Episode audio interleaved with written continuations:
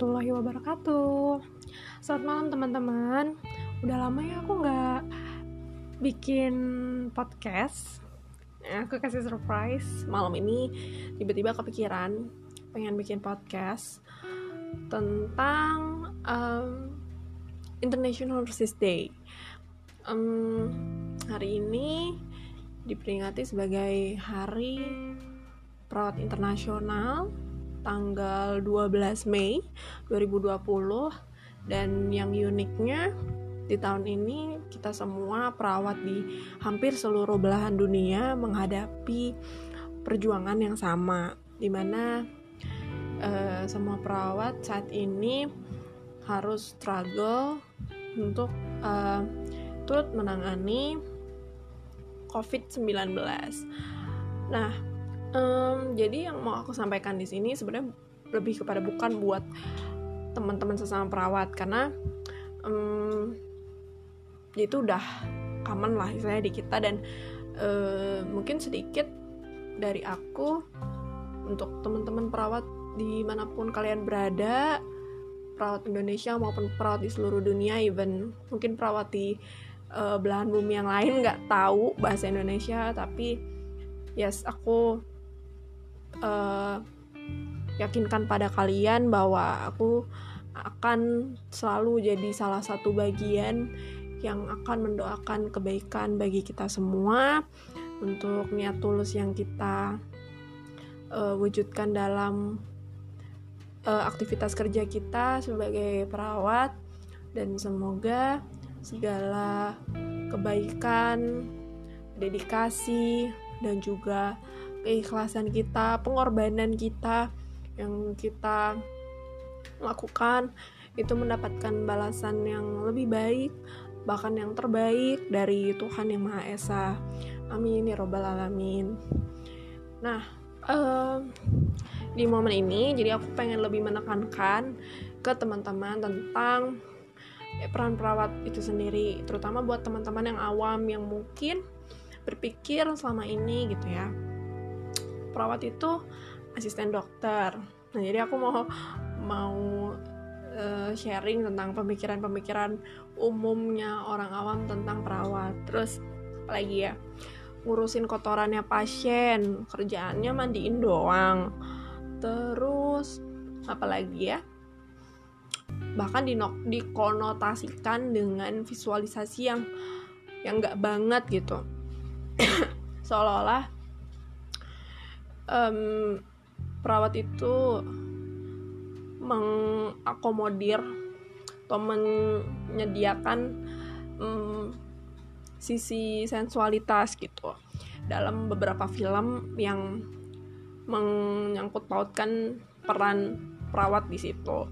Ya zaman dulu banget lah terutama ya. Dan aku juga udah pernah nonton dan ketika aku terjun sendiri di sini mulai merasakan bagaimana perannya itu sama sekali nggak benar gitu. Jadi kalau misalnya kalian ngelihatnya dari film film Indo gitu ya menurut aku hmm, masih banyak yang meleset. Hmm, jadi kalau misalnya emang pengen pengen nonton sih mending yang internasional punya gitu ya. Kayak Korea juga sekarang udah bagus tentang apa namanya health system tentang gimana kondisi uh, di rumah sakit itu gimana dokter uh, dokter jaga residen dan perawatnya saling bersinergi untuk uh, memberikan pelayanan terbaik bagi pasien-pasiennya kayak gitu. Aku, aku suka sih kalau ngeliat yang punya Korea Korsel terus Amri kayak gitu. Terus um, karena di situ gambarannya bener-bener ya mostly sesuai dengan apa yang ada di kondisi real lapangan. Kalau misalnya kalian mungkin pernah dengar atau misalnya ini baru pertama kali, perawat itu sering kali dikatakan sebagai jantungnya rumah sakit. Di mana dokter di situ sebagai otaknya. Dokter penting, tapi perawat juga penting. Ibaratnya ya gitulah kalau misalnya perawat itu perannya layaknya jantung pada manusia otomatis ketika perawat itu berhenti berdetak atau bahkan sudah tidak ada perawat lagi maka operasional rumah sakit akan menjadi sangat amat terganggu dan bisa lumpuh. Kalau cuma dibebankan sama dokter doang pasti pelayanan gak akan jalan. Jadi kedua-duanya harus ada. Nah soal penilaian negatif yang tadi kayak kerjaannya remeh temeh lah inilah asisten dokter lah segala macam I just want to say ke teman-teman dan ini adalah penekanan tegas dari peran perawat itu sendiri. Perawat itu tugasnya memenuhi yang namanya KDM. Apa sih KDM itu? Kebutuhan dasar manusia. Banyak banget berdasarkan teori kebutuhan dasar Maslow. Tapi aku nggak mau nyebutin di sini deh gitu. Banyak soalnya. Nanti aku bakalan kasih piramidnya mungkin di IG atau uh, WhatsApp story. Pokoknya nanti aku post di story dan juga nanti aku buat um, di feed Instagram. Insyaallah supaya teman-teman tahu gambaran kerjanya perawat itu seperti apa. Dan kita juga memperhatikan aspek-aspek yaitu bio, psiko, sosiokultural. Jadi banyak aspek kan bionya ya. Of course, anatomi, fisiologi, patofisiologi dari suatu penyakit dan bagaimana dampaknya itu mengganggu kebutuhan dasar manusia dari hal yang basic misalnya kebutuhan nutrisi, kebutuhan cairan, kebutuhan oksigenasi, kebutuhan rasa aman, uh, termoregulasi, terus apalagi ya hmm, bagaimana memanage uh, kesehatan bahkan seksualitas jadi salah satu komponen di dalamnya. Dan masih banyak lagi. Kalau aku sebutin nanti untuk yang di puncaknya itu adalah kebutuhan untuk aktualisasi diri. Sehingga ada salah satu sub uh, atau spesialis dari keperawatan itu adalah keperawatan jiwa. Karena itu menjadi salah satu uh, tanda kutip mainannya kita gitu jadi sekarang sadar gitu kan kalau bahkan untuk persoalan kejiwaan aja di situ perawat berperan. Selain ada juga di situ dokter jiwa psikolog dan konselor yang lain gitu ya. Nah itu semua jadi domainnya perawat gitu. Tadi baru bio terus psiko psikologis nah itu yang tadi masuk ke domain yang terakhir dari teori kebutuhan dasar Maslow yaitu aktualisasi diri. Terus hmm, oh sama itu uh, kebutuhan kebutuhan dicintai dan mencintai. Itu juga jadi salah satu kebutuhan dasar manusia. Terus sosio. Bagaimana kehidupan sosial dari pasien? Dalam kondisi dia sehat maupun sakit apakah terganggu atau tidak kehidupan sosialnya? Sesuai dengan perannya dia gitu. Misalnya sebagai seorang suami dan seorang ayah. Ketika dia sakit kemudian dirawat nah bagaimana dengan kehidupan sosialnya belum tentu semua orang, semua keluarga itu memiliki uh, dana darurat yang cukup untuk memenuhi kebutuhan keluarganya.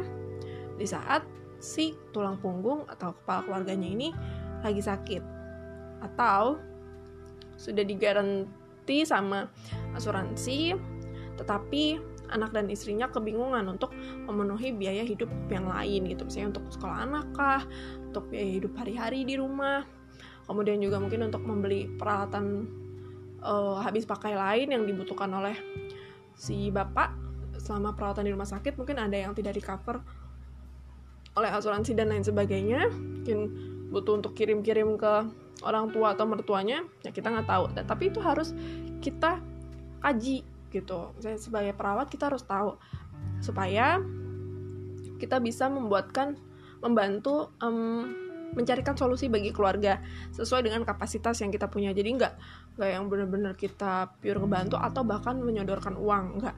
Tapi memfasilitasi kita menjadi fasilitator.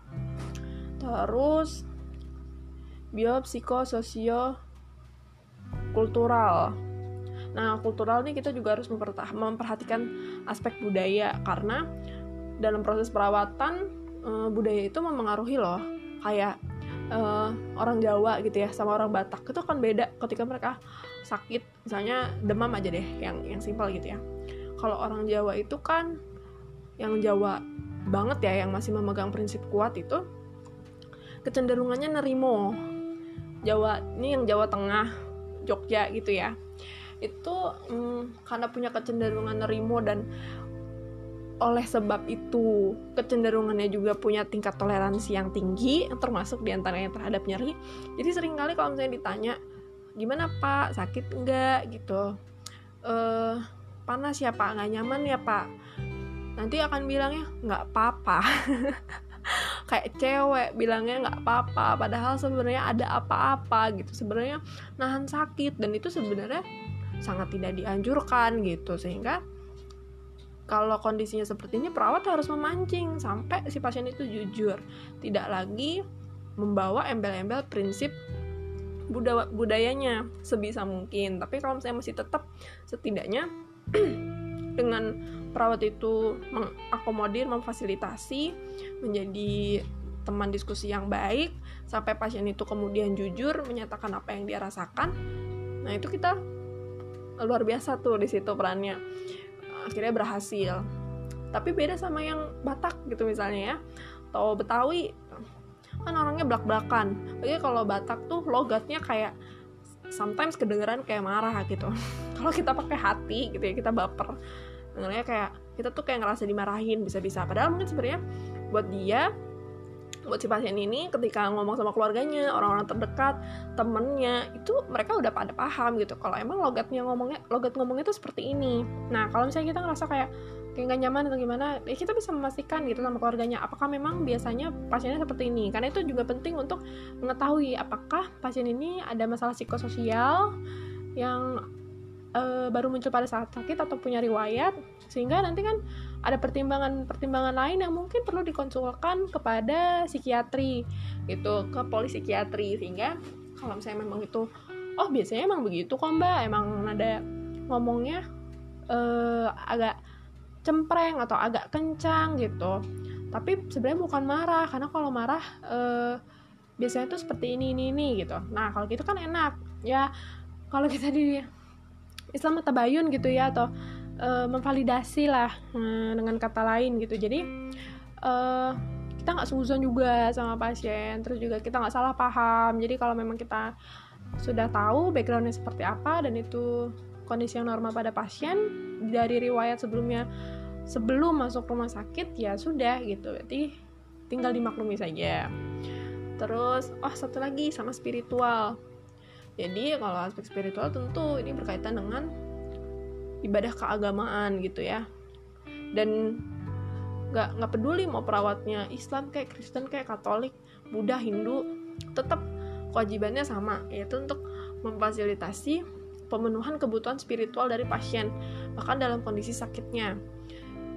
Um, dan di beberapa rumah sakit yang udah mantep gitu ya kayak salah satu contohnya sih menurut aku RSCM gitu karena emang udah pernah di sana dinas di sana.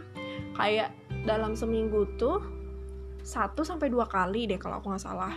Tapi pokoknya dalam seminggu tuh pasti ada rohaniawan yang datang ke tiap lantai untuk mengunjungi para pasien. Jadi rohaniawannya udah pasti ya disesuaikan dengan agama dari si pasien itu. Dan e, tujuannya yaitu untuk memotivasi pasien dari segi keagamaan. Saya mengamalkan doanya kemudian juga bagaimana menyikapi dari perspektif agama gitu. Misalnya diajarkan untuk uh, tetap berpikir jernih tetap berpikir yang tenang lebih sabar ridho dengan ujian yang Tuhan berikan gitu Tuhan tidak akan memberikan ujian melebihi batas kemampuan dari hambanya gitu dan karena dengan sabar dengan tenang mudah-mudahan itu akan membuat tubuh kita lebih kuat, imun kita lebih bagus dan dengan izin Tuhan uh, mudah-mudahan kesembuhan itu semakin dekat di depan mata gitu. Atau kalaupun tidak kalaupun masih panjang perjalanan atau bahkan kehendak Tuhan sampai di akhir hayat mungkin untuk pasien-pasien yang paliatif atau end stage gitu ya uh, itu setidaknya bisa meningkatkan kualitas hidup.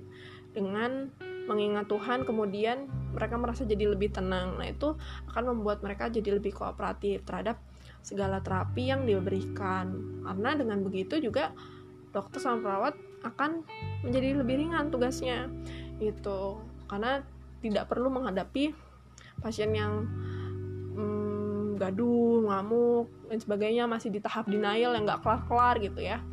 Jadi itu gitu perannya. Banyak kan gitu. Ya rangkuman itu tadi memenuhi kebutuhan dasar manusia melalui aspek bio, psiko, sosio, kultural, spiritual. Jadi itu main poinnya dari peran perawat.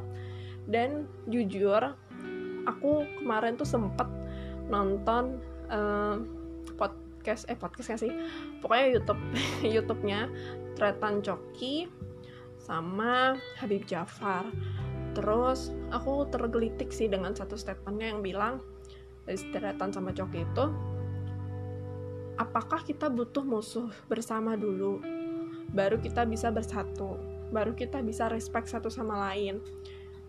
Dan seketika di situ aku mikir iya bener juga ya.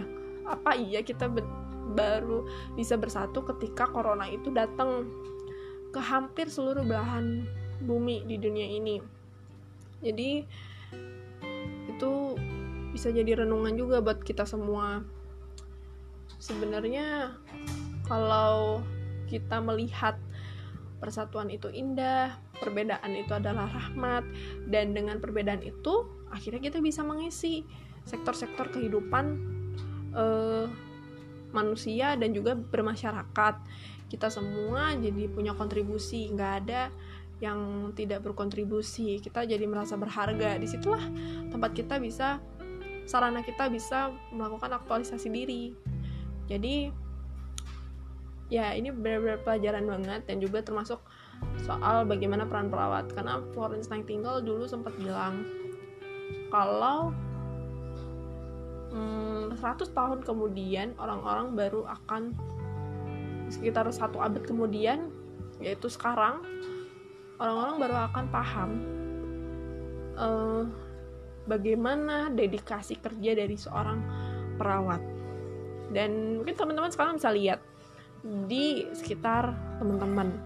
Mungkin dari kenalan kerabat dari saudara yang dirawat kemudian ada cerita-cerita dari situ. Dan trust me pakai APD dengan estimated time maksimal 4 jam itu tuh udah bisa bikin hipoksia kekurangan oksigen kelayangan resiko dehidrasi. So pasti lapar anak sekarang puasa gitu ya. Dan gerah sih yang pasti gitu. Karena ya tadi gitu mengeluarkan keringat jadinya juga beresiko dehidrasi dan belum lagi buat perawat-perawat yang punya kulitnya sensitif di area muka gitu khususnya ya. Kena masker N95 mesti dikasih perekat lagi. Terus pas dibuka karena udah terlalu sering pakai itu akhirnya lecet. Bahkan kayak contohnya di Wuhan aku jujur ngerasa speechless gitu karena mereka sampai rela untuk ngebotakin rambutnya. Kayak aku sih mungkin sanggup tapi just ngebotakin sampai rambut bener-bener pendek. Tapi kalau ngegundulin total sampai keli sampai licin kayak gitu tuh aku kayak udah kayaknya aku belum bisa gitu. Dan dan mereka cewek perawat perempuan perawat perempuan dan mereka mau ngelakuin itu gitu. Padahal itu mahkotanya. Gue nggak ngerti sih hati mereka tuh terbuat dari apa.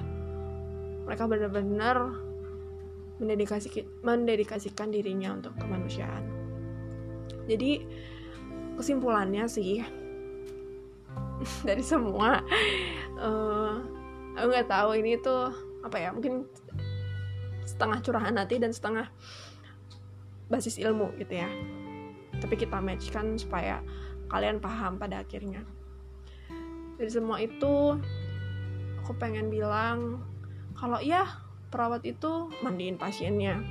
Ya perawat itu ngurusin BAK pasiennya ngurusin makannya ngurusin BAB-nya ngurusin lukanya ngurusin apa lagi? Suhu ruangan bahkan ganti spray apalagi mau apa lagi? Itu baru sebagian yang mungkin dianggap sama banyak orang selama ini tuh pekerjaan receh. Tapi sebenarnya untuk bisa fasih melakukan itu dan dengan penuh dengan penuh perhitungan dan sesuai dengan kondisi pasien personal kondisi pasien kan tiap kasus beda ya. Ada yang fraktur ada yang karena DM diabetes apa ketoasidosis diabetik kayak gitu-gitu itu beda penata laksanaannya dan kita benar-benar masih belajar semua itu dengan perbedaannya masing-masing. Itu butuh waktu at least 5 tahun sampai menyelesaikan profesi. Ya ada juga sampai saat ini yang masih D3 mudah-mudahan betul-betul tahun ini bisa direalisasikan hmm, standar minimum profesi dan mereka yang masih D3 bisa segera difasilitasi oleh institusinya agar segera bisa melanjutkan sekolah lagi nah itu bahkan sekolah aja nggak cukup harus dimatangkan dengan pengalaman klinis di lahan, rumah sakit, kah, klinik kah, dan lain sebagainya. Butuh jam terbang. Dan kita sendiri menghadapi stigma yang seperti itu, pandangan sebelah mata seperti itu, tapi kita tetap stay here. Tapi kalau misalnya kita menahan diri dan membiarkan ya udahlah terserah mereka, itu juga nggak baik. Ketika kita tahu apa yang benar sudah seharusnya untuk diedukasi ke masyarakat bukan? Bahwasannya perawat ini juga memegang peranan penting dalam healthcare system gitu. Bahkan di puskesmas juga udah ada perawatnya yang ngurusin masalah komunitas bekerja sama dengan epidemiolog dan lain sebagainya. Perawat yang datang ke rumah untuk merawat luka perawat yang datang ke rumah untuk uh, mengurusi pasien dengan uh, palliative care atau juga pasien yang dengan uh, banyak komorbid, terus keluarga kesulitan mengurus atau keluarga merasa kayaknya kurang kompeten deh sehingga membutuhkan uh, tenaga yang ahli aja gitu. Dan mereka mampu bayar mereka mendatangkan perawat ke rumah gitu dengan biaya jasa tertentu. Ya itu juga pakai ilmu gitu. Dan setelah mendapatkan ilmunya di kampus diasah di lahan praktek untuk meningkatkan jam terbang dan juga meng apa ya beradaptasi gitu dengan sarana prasarana yang tersedia dan bagaimana metodenya yang paling baik dengan kondisi yang ada saat ini itu teman-teman ini kesimpulannya Secomplicated itu pekerjaan perawat, tanpa mengurangi rasa hormat dan rasa respect saya terhadap profesi yang lain. Profesi yang lain juga pasti menghadapi uh, kompleksitas yang sama. Tapi di momen ini, di momen Hari Perawat Internasional, saya berharap bahwasannya mungkin bagi teman-teman yang mendengarkan podcast ini yang sebelumnya masih meremehkan pekerjaan perawat, yang masih menganggap perawat itu asisten dokter, padahal sebenarnya hubungan dengan dokter itu adalah uh, aspek kolaborasi uh, yang itu cuma spend maybe 25% atau paling banyak 30% dari total pekerjaan yang kita lakukan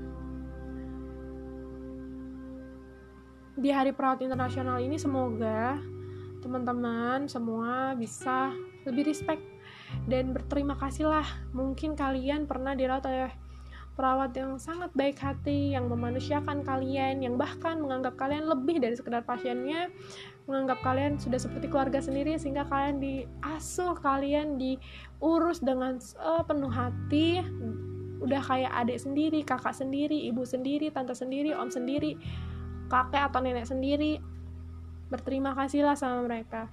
Minimal kalau misalnya kalian udah nggak ketemu lagi doakan mereka. Semoga Tuhan memberikan balasan yang setimpal bagi mereka.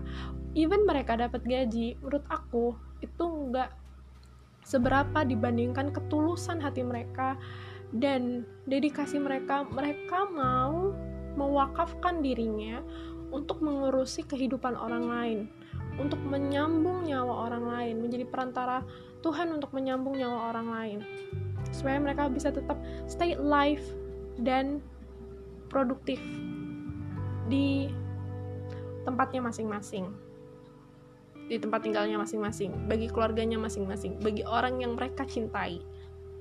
So be thankful for all of kindnesses that we bring for you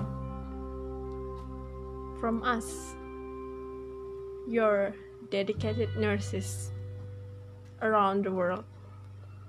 Thank you so much. Semoga ini bisa kasih insight yang baik bagi kalian tentang apa peran perawat sesungguhnya. Dan semoga di mana pun kalian berada kalian selalu sehat keluarga kalian juga. Dan tetap lakukan physical distancing semoga kita bisa melalui ini sama-sama dan suatu saat nanti suatu hari nanti ini bisa cer menjadi cerita yang berharga untuk generasi berikutnya. Stay safe. I love you. Selamat malam. Wassalamualaikum warahmatullahi wabarakatuh.